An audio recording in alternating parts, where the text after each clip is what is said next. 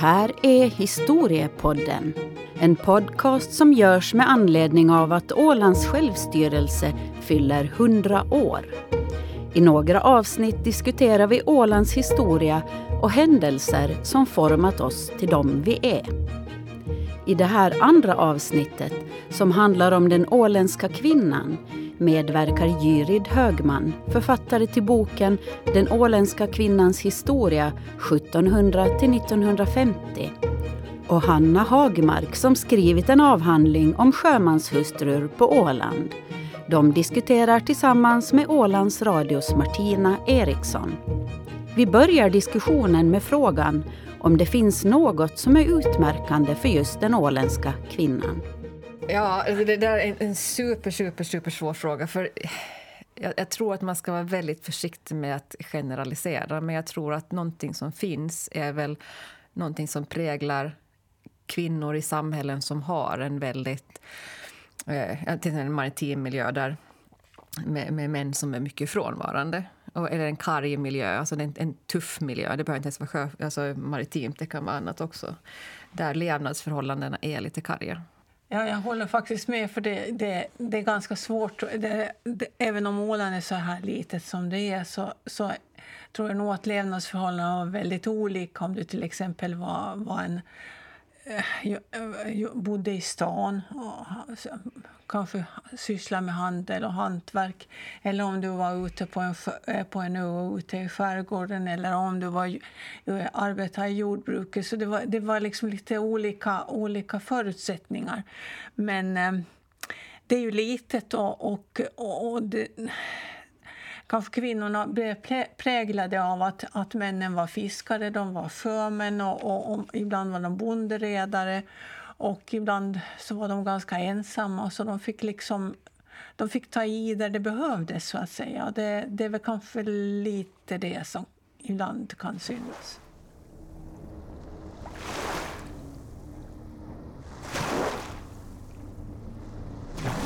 För alla kvinnor var ju till exempel inte sjömansfruar. Nej. Men man kanske påverkades ändå på något sätt. Ja, eh, det, det, finns ju... Alltså jag, jag, tycker ju att det finns en sån här ikonstatus kring sjömanshustrun på Åland som har blivit någonting av en symbol för vad en åländsk kvinna ska vara. Eh, och som det nu är med ikoner och förebilder så är det inte alltid så att att den finns på riktigt, riktigt. Utan det är ju en, en bild som man vill skapa, någonting man vill, som man kanske ser upp till, någonting som, är, som stärker identiteten och självkänsla och ja, sådär. Men eh, eh, visst, alltså, man, som, som, oavsett, alltså, som sjömanshustru eller om man nu var, liksom, var mycket ensam eller det, fast man inte var ensam i de här ganska karga förhållanden så man är ju av nöd tvungen att göra vissa saker och, och, ha en typ av självständighet som, som man kanske inte behöver på alla andra ställen där livet är lite lättare. Jo, det är säkert svårt att säga att, att dra en kam över den åländska kvinnan. kvinnan jag skulle säga att, att vi tre som sitter här är säkert väldigt olika mm. varandra. Mm. Men, men det där blir väl liksom en bild av om man försöker, försöker generalisera. Man mm. försöker säga att, att så här ser det ut. Så, till viss del säkert på vissa områden mm. självständig. Mm. Men just bilden av sjömansfrun, då, hur tror ni att den har format oss? Jag tänker kanske att eh, för, för vissa kvinnor, då tänker jag förstås främst på de som faktiskt är sjömansfruar och hustrur eller sambor eller vad man nu är, partners. Eh, att till viss del så, så, kan man hitta en styrka och en identitet i den bilden. Eh, och eh, det finns något pos väldigt positivt med bilden. Eh, men, men naturligtvis kan det också vara att man känner att man kanske inte lever upp till det där och det blir förväntningar som man inte klarar av. Och, och sånt. Så den är inte alldeles enkel, men det är ju en, en positiv bild ändå. Jo, och lite, lite aning kanske en statusbild också, ja. skulle jag säga. Därför att eh, men, eh, det var ju väldigt vanligt att, ah, med, med kvinnor eh, som var, som var hustrur till sjöfarare. Eh, och i många familjer så det är ju nästan om man går och tittar på Åland idag så, så, och tittar någon generation tillbaka så finns det ju liksom sjömän i alla familjer. Så att även om man var liksom född i ett bondhem så, fanns, så blev en eller två eller tre söner fort till sjöss och de i sin tur hade hustrur. Så, så eh, jag tror man, det, var, det var liksom ingick i samhällsbilden mm. det här på ett sätt som, så, som man blev liksom integrerad i det.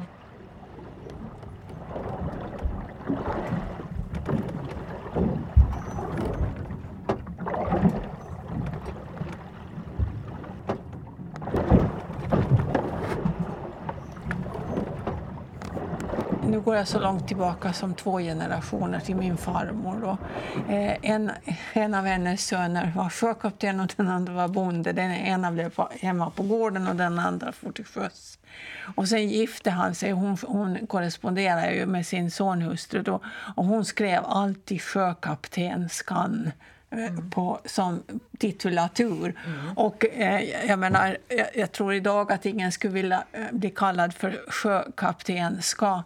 Men, men, men för henne var det liksom en, en statussak att hon kunde skriva så.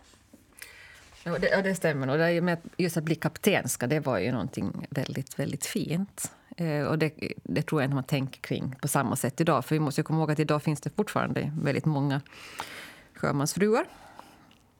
Och då kanske den titeln är liksom det, det som är det viktigaste. Men så trots då att, att den här sjömanshustrun var liksom självständig mm. så var man ändå en kaptenska. Mm. Man var ett bihang mm. ändå, mm. trots det. det. det. det. är ju så att, att jag minns den här utställningen på Ålands museum som hette Åländska kvinnoliv. Och, och där var det liksom två kvinnor som presenterades i sin roll som någons fru. Och de var förstås två sjömansfruar. Det fanns inte någon som var presenterad som lärarfru eller som läkarfru eller som någon annan fru. Utan det var just den här sjömansfrun som har den här symbolstatusen. Eh, så att man, liksom, och jag tänker på min forskning också där jag faktiskt approcherade de här kvinnorna som var utbildade på olika sätt, hade olika livserfarenheter och så vidare. Men jag approcherade dem i deras roll också som någons fru. Eh, och, det, hur det kom sig var ju att jag hade intervjuat sjömän om deras liv på ång, ångfartyg. Och, och, när jag skulle gå från en av de här intervjuerna så stoppade hans fru mig i dörren. Hon hade inte alls tagit del i den här diskussionen utan hon hade bara serverat kaffe och sådär. Och när jag skulle gå, han satt kvar i soffan och hon förde mig, eller visade mig till dörren. Och då sa hon när jag skulle gå att det, det är inte om du ska intervjua, det är oss. Det var vi som fick liksom bli hemma och sköta allting. Och när han kom hem så skulle man bara stiga tillbaka och låta honom vara liksom, familjens överhuvud. Mm. Och, och, det, och, och, där kommer man tillbaka igen till hur, hur starkt symbolvärde sjömanshustrun har. För hon pra, sa inte det är mig du ska intervjua, utan hon sa det är oss. Mm. Att hon kände också en identitet i sin roll som, som sjömanshustru på något sätt.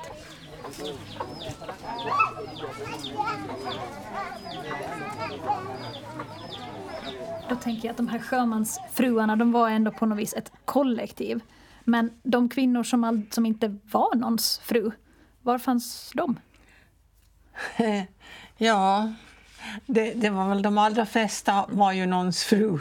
Det, det var ju ett sånt samhälle att, mm. att eh, det förutsattes ju mer eller mindre att man, att man skulle gifta sig och, och ta hand om familjen kvinnorna som, som inte var någons fru, de var ju liksom lite udda. Mm. Ja, och, och en del av dem kom ju att gå ganska långt, men, men på något sätt så under, om vi tittar tillbaka eh, flera generationer, så var nästan en förutsättning om du liksom skulle bli självständig och, och gå, ta, ta din egen väg och, och, och vara, en, var, var en självständig kvinna, så kunde du inte gifta dig. Därför du, du blev liksom omyndig, du, blev mm. liksom, mm. du, du fick ta hand om barnen, du fick ta hand om hemmet och, och, och sen naturligtvis var, var, var karln tillhanda. Så att det fanns liksom inte tid för det. Så, så skulle du liksom vara till exempel lärare, kvinnlig lärare, så var det ju... Eh, när du gifte dig så, så då då, då slutar du med din gärning. Mm. Och, och, ehm, till exempel Hilda Hongell, alltså hon, var ju, hon var ju Finlands första kvinnliga byggmästare. Hon ritade ju, eh, var ju nästan sån här arkitekt hemma innan hon ens var utbildad och, och, fick begära dispens från sitt kön för att få komma in. Och sen så när hon hade varit en, en termin, tror jag det var, så var hon näst bäst i klassen. Men, men eh, hon, hon hittade ju förstås en, eh, en, en, en karl där i klassen och gifte sig med honom och han blev stadsbyggmästare i Helsingfors. Och, och hon, och hon, eh, hon ritade lite i början men sen förs, försvann det för henne. Hon blev liksom en, en hon blev någons fru. Mm. Så därför är liksom de allra flesta under den här tiden de är någons fru. Ja. Och, och, ett sätt, alltså om man inte var så som du säger, att man inte gifte sig, så det var ju om du blev änka. Då kunde du ta över också en, en rörelse, alltså från din man. Eller en, jag tänker på Aslög Nylund som var en ja. ogift dotter. Så då, då, fick man möjlighet liksom att... Ja, som redare. Ja. Eh, sen, sen eh, så äh, ganska vanligt med kvinnliga fotografer som, som hade egen, egen salong mm. eller egen, egen ateljé. Men, men de försvinner också ofta mm. ut liksom i, i, i omgivningen så småningom. Mm. Det var väl egentligen eh, Rosten, fru Rosten, mm. som var fotografen. Men sen hittade hon Rosten och så blev det Rostens. Ja, ja, precis, Så att, att eh, det, det, det är liksom en, en helt annan värld som, som vi inte liksom idag riktigt kan föreställa oss.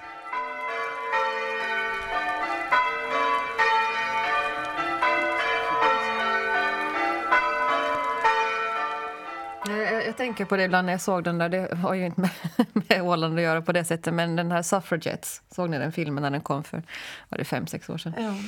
Och när den här ändå ganska välbärgade kvinnan ska eh, lösa ut alla från häkte och säger till sin man att kan du, jag vill lösa ut, jag vill att du betalar borgen för alla. Och så säger han nej. Och så, men det är ju mina pengar. Ja, men jag är din man. Jag bestämmer. Mm. Alltså det där, det, det, det jag blev så tagen av det där. Att, wow, tänk att det faktiskt var på det sättet. Och det är inte så jättelänge sedan. Det är inte så hemskt. Det är inte så jättelänge sedan. Alltså man måste komma ihåg att, att den, nu, nu, i och för sig 1930 börjar väl bli snart 100 år sedan, mm. men i varje fall eh, så, så de, de, de kvinnorna som var gifta för, före 1930 så de hade ingen giftorätt och, och mannen var förmyndare. Och, och de här kvinnorna i, som i första hand gick eh, lite ut på arbetsmarknaden som, som var telegrafister eller mm. som var, eh, jobbade på eh, bankkontor och så mm. vidare. Eh, de, fick liksom, de måste ha sin man, om de, inte var, om de var gifta, att skriva under att mm. han stod för om de räknar fel. Mm. Eh, och eh, om man till exempel skulle vara, eh, skulle vara kvinnlig lärare i ett läroverk då måste man begära dispens från sitt kön. Det är helt, helt, helt tokigt. Så, så jag menar, det, det, i alla fall så, så har vi, vi har liksom nått ganska långt. Mm. Det har vi gjort, men det är inte så hemskt länge sen. Och jag menar, nej, jag, jag är ju ganska gammal, men jag kan ju i alla fall relatera mm. till, till de Eh, Eh, till, till exempel min mormor, hon, hon gifte sig före 1930. Och när hennes man dog så det blev liksom en uppenbarelse för henne att hon ägde inte deras hem. Det var barnen som ägde hemmet. De hade inget testamente eh, och hon hade ingen giftorätt. Och jag menar det, om, om man tänker sig själv i den situationen att man har levt i ett, i ett hus i vad hon hade levt där kanske 50 år eller någonting i den stilen och så är det inte mitt. Mm. Men de här fåtalet kvinnor då som valde att inte vara någons fru, som valde att, att ha ett yrke och gå sin egen väg. Hur såg man på dem i samhället? Det är svårt att säga. Det tror jag är väldigt olika från, från om du hade en, en ställning så att du en lärare hade väldigt god ställning i mm. samhället och, och, blev ordförande i Martaföreningarna och, och sångkörsledare och överhuvudtaget eh, hade en god ställning. Så de, de hade nog respekt, skulle jag uppleva. Ja, jag tror du har rätt på det. Sen var det kanske annat om man fick livnära sig som tvätterska eller ja. eh, och speciellt kanske om man hade också eh, Eh, barn. Jo. De som, som fick barn utanför äktenskapet. Eh, det finns de som, som, som så att säga eh, inom citationstecken reste sig och, och gifte sig och fick nya familjer. Inte, inte, så inte var man ju helt och hållet svartlistad. Det berodde ju lite på på en själv.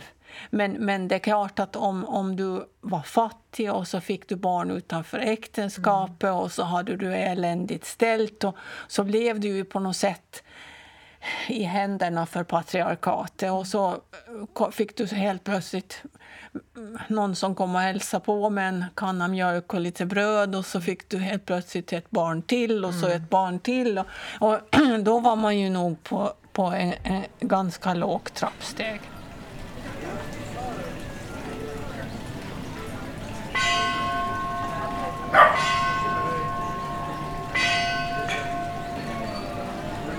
Jag tror att det var den outtalade normen att du skulle gifta dig mm. och ta hand om barn. Men sen fanns det ju no, på, på vissa ställen blev det ju också någon gång en, en, en son hemma mm. och var, blev ogift. Det, hörde, det mm. kan, var väl någon, någonstans. Men det fanns ju också de som blev hemma flickor och tog hand om mam föräldrarna mm. när de var sjuka. och så här, För det fanns ju inte liksom samma service i samhället. Som, mm. Och de kallades eh, alltid liksom gårdsnamnet plus flickorna. Mm. Så många, och, och, även om de var 50 eller 60, till och med 70, så var de alltid de, den gårdens flickor. Mm. Så på det sättet visar man ju att, att man, man stannar som i utvecklingen. Ja. Eller hur ska jag säga? Ja. Fast man blev vuxen, ja. men man var ändå en flicka för man mm. var ogift. Ja. Mm. Men jag tänker så är normen lite sån idag fortfarande också. Att, eh, att man, man ska gifta sig, eller typ sådär. Att, jag tror, Bilda familj. Jo, ja. jo mer, mera kanske det. Jo, att, att du får, och jag tror att därför tycker jag att man som, som om du är en ja, men en kvinna i ja, början mot slutet av 20 år, lite över 30 så här. Och, och, då har plötsligt folk rätt att fråga dig varför har inga du gift dig då? Varför har du träffat någon? Varför inga, du vet väl klockan tickar? Att det finns nog fortfarande kvar lite grann den där att eh, ja, man ska vara mamma i alla fall. På, no på något sätt det där. Att det är vanligare att kvinnor får frågan än män? Ja, det kanske. tror jag absolut. Mm. Så det, det, lite, lite finns den normen kvar, men in, på ett helt annat sätt förstås idag. Det fanns ju så här gamla eh, talesätt som också är ganska belysande, för man sa ju att hon blev inte gift. Mm. Eh, men, men han har, har inte gift sig. Jo, precis, precis. så det, och det, det belyser nog ganska mycket hur man tänkte. Mm. Det är en skillnad där. Ja. Det är en ganska stor skillnad. Ja. För det ena är ett val, det andra är liksom att man har blivit satt åt sidan. Ja. När blev det bättre då? Svårt att säga. Ja. Det är säkert en sån här, en suddig gräns skulle jag säga. Mm. Undan för undan, eh, lite i taget. Eh, men jag tror, alltså nu är jag, jag, jag, kan inte komma ihåg det, men jag tänker att på 70-talet, 70-80-talet började det hända ganska mycket, eller slutet på 60-talet kanske, jag vet inte. Det var väl egentligen det som, som eh, revolutionerade hela det åländska samhället var ju nog eh, den här färgsjöfarten. Mm. För när färgsjöfarten satte igång eh, så, eh, så uppstod det arbeten åt kvinnor. Outbildade kvinnor, för det var de ju på den tiden. Mm. Och, och de, de fick liksom jobb som städare, diskare, kallskänkor, ja. hyttstädare och, och, och egentligen ganska väl betalda arbeten. Faktiskt, ja. Riktigt välbetalda. Agneta Karlsson har skrivit en ja. bok om det här. Det är otroligt intressant. Och, och, där, det handlar ju om att plötsligt äga sina egna pengar, mm. att tjäna sina egna pengar, att inte vara ekonomiskt beroende av någon annan. Och det gjorde ju färjorna det möjligt. Och, och det var ju... Alltså löne, lönenivåerna på färjorna var liksom helt ofantligt mycket större, alltså högre än, än jämfört i land. Så, eh, och där kunde det också bli en ganska sån skev eh, position då i ett äktenskap till mm. exempel mm. där, där plötsligt kvinnan faktiskt tjänar mera än vad mannen gjorde. Och det blev lite, kunde bli lite jobbigt. Ja, men för de kunde egentligen förtjäna riktigt bra och kunde mm. sätta igång och rusta upp hus och, mm. och installera ny, ny, nymodigheter i kök och sånt här. Mm. Så att jag, jag, tror att det var, det var liksom frihetens timme. Och, och, det, är ju, det är ju så förstås att med, med all självständighet så vi, vi lever ju i ett sånt samhälle att det är den där ekonomin som mm. avgör om man är självständig och självstyrd Mm. Eller om, om man är ekonomiskt beroende mm. av, av en annan, mm. så då, då kan man ha inte samma stämma.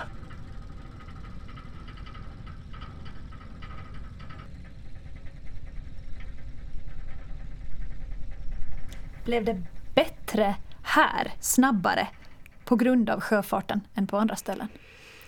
Ja, alltså vi var ju ganska långt bakom. Alltså, jag brukar titta lite på, om jag tittar på sjöfarten då, att eh, efter, vi andra världskrigets början så var vi ju väldigt lå, alltså under, oindustrialiserade, underutvecklade mm. kan man säga. Och ser man sen på samhällsutvecklingen som skedde nästan direkt efter andra världskriget, mot, på, redan början på 50-talet så var det en liksom otrolig eh, ök, alltså, utveckling där Åland egentligen gick från att vara någon sorts preindustriellt samhälle till ett postindustriellt. Att det gick jätte, jättesnabbt, den där utvecklingen till serviceindustrin som blev viktigare och, och, och mycket mer den, den typen av ekonomi. Och där sjöfarten var det som drev utvecklingen framåt, eh, faktiskt. Men det var väl det som gjorde att, att Åland liksom började blomstra mm. ekonomiskt och, och där, där folk fick det bättre ställt och det, liksom, det satte ju igång ska vi säga, hela ruljansen med byggande och, mm. och, och utveckla flera liksom, yrken också mm. utanför på mm. landbacken som gav det möjlighet så, mm. så, för, för både kvinnor och män att mm. skaffa sig yrken. Att, mm. ja, tidigare var det ju så att, att det blev ju en emigration. Det var ju Sverige som, som mm. tog emot emigranter. Så om man inte hade jobb hemma så, så får man ju iväg till Sverige. Det, blev, ja. det var ju en ganska stor eh, emigration och, och en brain drain, mm. skulle jag säga. Mm. Uh, men den, den, den, biten... Och det var ju också då som, som ungdomarna liksom fick upp ögonen för att de skulle studera och skaffa mm. sig utbildning och också skaffa sig universitetsutbildning. Tidigare var ju liksom det inte alls aktuellt. Alltså det var ju väl en på på, på, jag vet inte hur många som kanske tänkte sig att bli läkare eller, eller uh, jurist eller mm. någonting i den stilen. Det var, och för kvinnor var det nästan inte en tanke. Nej. Utan tanken om man skulle utbilda sig, så det var ju lärare och sen var det ju sjukskötare. Mm. Det var de två sakerna som, okay. som mm. skulle jag uppleva jo, jag det. Tror du, jag tror du har rätt. Så småningom kanske man skulle, tänkte jag att man skulle vara bankkassörska. Ja, ja, eller ja. att det blev liksom att lite i taget men att det där på något vis öppnade upp. Och sen var det inte också den här alltså skolreformen jo. gjorde mycket. Och det, det kom ju mycket med, med föräldraledigheter och allt, rätten allt. till dagvård och de här samhälls, stora som stam, samhällsförändringarna ja. som skedde. Och det var väl mest på, 70, kanske på 70-talet? Det är väl på 70-talet. 74 kommer mm. grundskolan och sen, är, sen kommer ju de här sociala förmånerna. Mm. Att man fick mammaledigt och, mm. och så. Jag, jag har haft mammaledigt och jag fick barn precis i, i i kanten, den ena före och den andra lite efter, efter 70. Så, så, så ja, men, men jag tror att mellan första och andra så, så var, det var en ganska stor skillnad. Mm. Det var, den första var det två månader, tror jag. Den andra var det, fick man ha ett halvår. Mm. Så det, det, det hände ganska mycket där på en, en, under en kort tid. Mm. Det, det liksom det är hela det här det som vi kallar för moderna samhälle som börjar så att säga, det, det embryot börjar nog kanske i slutet av 50-talet men sen kommer vi till början av 60-talet, då skjuter det fart och, och sen kommer de här reformerna i slutet av 60 och 70-talet an efter så här undan för undan.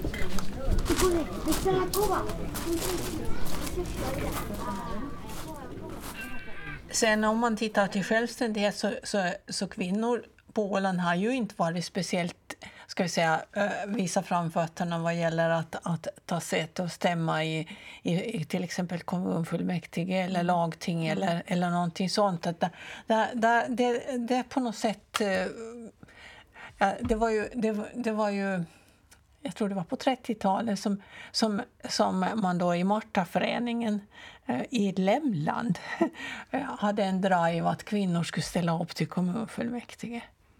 Och, och det var några som gjorde det. För de, alltså, Martaföreningen var ju den förening som först gav kvinnorna liksom lite råg i ryggen. Alltså, mm. de, de lärde sig liksom att tala för andra och att eh, för, för argumentera för saker och ting. De ordnade ju lotterier för alla möjliga saker och, och, och fick som en betydelse i mm. det här. och så de ställde upp i Lämland. och, men det, det blev ju ingen succé. Utan de blev ju, det, blev, det blev inga bra, som de sa. Blev de inte invalda? De blev inte invalda. Och det blev liksom en ganska dålig stämning för man tyckte liksom att nu har de, nu har de gått över gränsen. Mm. Mm. Jag, jag, kan fundera på det, jag minns med min farmor också så att, att hon var en väldigt, väldigt stark kvinna. Hon klarade sig själv. Hon var ensamstående med fyra barn och drev sina, sina egna företag. En stark kvinna. Men jag minns alltså, till exempel presidentvalet när Elisabeth Rehn ställde upp. Och det var ändå 94. Mm. Och den tanken på att hon skulle rösta på en kvinna var liksom inte...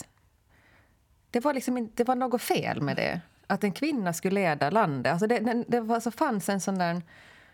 Så minns jag det i alla fall, att, mm. hon hade den inställningen. Att, mm. Och samtidigt som hon kunde liksom säga till mig att men du kan bli precis vad du vill. Det. Den åländska kvinnan är ju, eller ses som äh, stark och, och, handlingskraftig men, men när det är politiska val än idag mm. så väljer vi ju män. Mm. Det är ju bara att se på, på sammansättningen mm. i, i vårt lagting och, och runt om mm. i, i kommunerna. Mm. Att hänger det kvar det här? Jag tror att, att sådana här saker hänger mer kvar än man överhuvudtaget kan mm. tro. Eller, för man kan inte tro att det är det, men nå, någonstans liksom så, så fin, finns det någonting i, i Alltså att det är den här överföringen liksom mm. från generation till generation. Mm. Eh, den blir säkert urvattnad, men du ska nog vara hemskt stark och medveten och mm. kanske väldigt liksom att du också har intresserat dig för de här mm. frågorna. För eh, och sen, sen, att eh, det finns liksom inte den där traditionen. Mm. Det är traditionen som är borta och det var ju därför som det kanske var så svårt också. Därför att det, var, det här var ju männens område. Mm. De satt ju där i de här sammanträdesrummen och, och rökte och det var, det var som en dimma där. Och, och, och sen eh, så, så ingick det väl också lite att man skulle ha sig en, en grogg eller någonting mm. i den stilen. Och det, liksom, det, var, det var liksom ett manligt sammanhang. Mm. Så att gå in i det där beslutsfattande alltså, som kvinna, ofta var man ju ensam, mm. och liksom gå över den där gränsen och sätta sig där i, i, i, i cigarettröken och, och börja dessutom säga hur man ville ha det. Mm. Jag tror att det faktiskt var lite att du ska vara lite, som man säger, eh, vilket ju är, positivt manhaftig, ett manhaftigt mm, kvinnfolk mm, för att, att klara av det där.